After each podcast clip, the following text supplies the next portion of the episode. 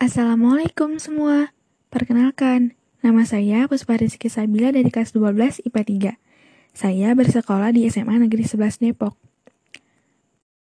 Pada podcast kali ini saya akan membahas tentang Human Genome Project atau yang disingkat dengan HGP atau dalam bahasa Indonesianya adalah Proyek Genom Manusia. HGP ini dilaksanakan untuk memetakan genom manusia sampai tingkat nukleotid atau base pair dan untuk mengidentifikasi seluruh gen yang ada di dalamnya. Proyek genom pada manusia sekarang berkembang pada tingkat yang lebih tinggi, di mana kita masuk ke dalam tahap void.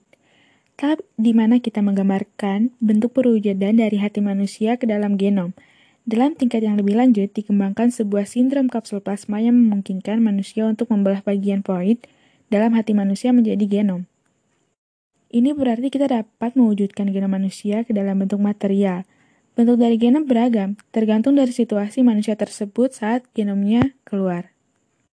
Pengurutan DNA manusia bisa dimanfaatkan oleh banyak bidang, dari bidang kedokteran, biologi molekuler, dan lain-lain.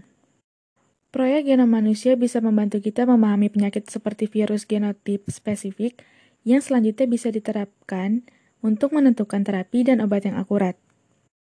Manfaat lain dari HGP yaitu pem pengembangan nilai komersial dari penelitian genomik yang menggunakan produk berbasis DNA, industri yang bernilai miliaran dolar.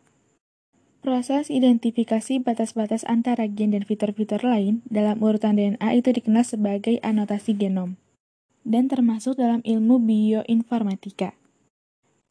Teknik terbaik saat ini untuk anotasi genom adalah menggunakan model statistik, yang memanfaatkan kemiripan antara urutan DNA dan struktur bahasa melalui konsep ilmu komputer.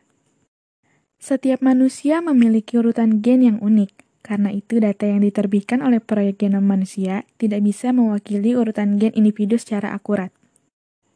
Data tersebut memiliki kombinasi gen dari sejumlah donor kecil anonim. Genom dari proyek genom manusia bisa digunakan sebagai kerangka atau referensi untuk mengidentifikasi perbedaan antara individu.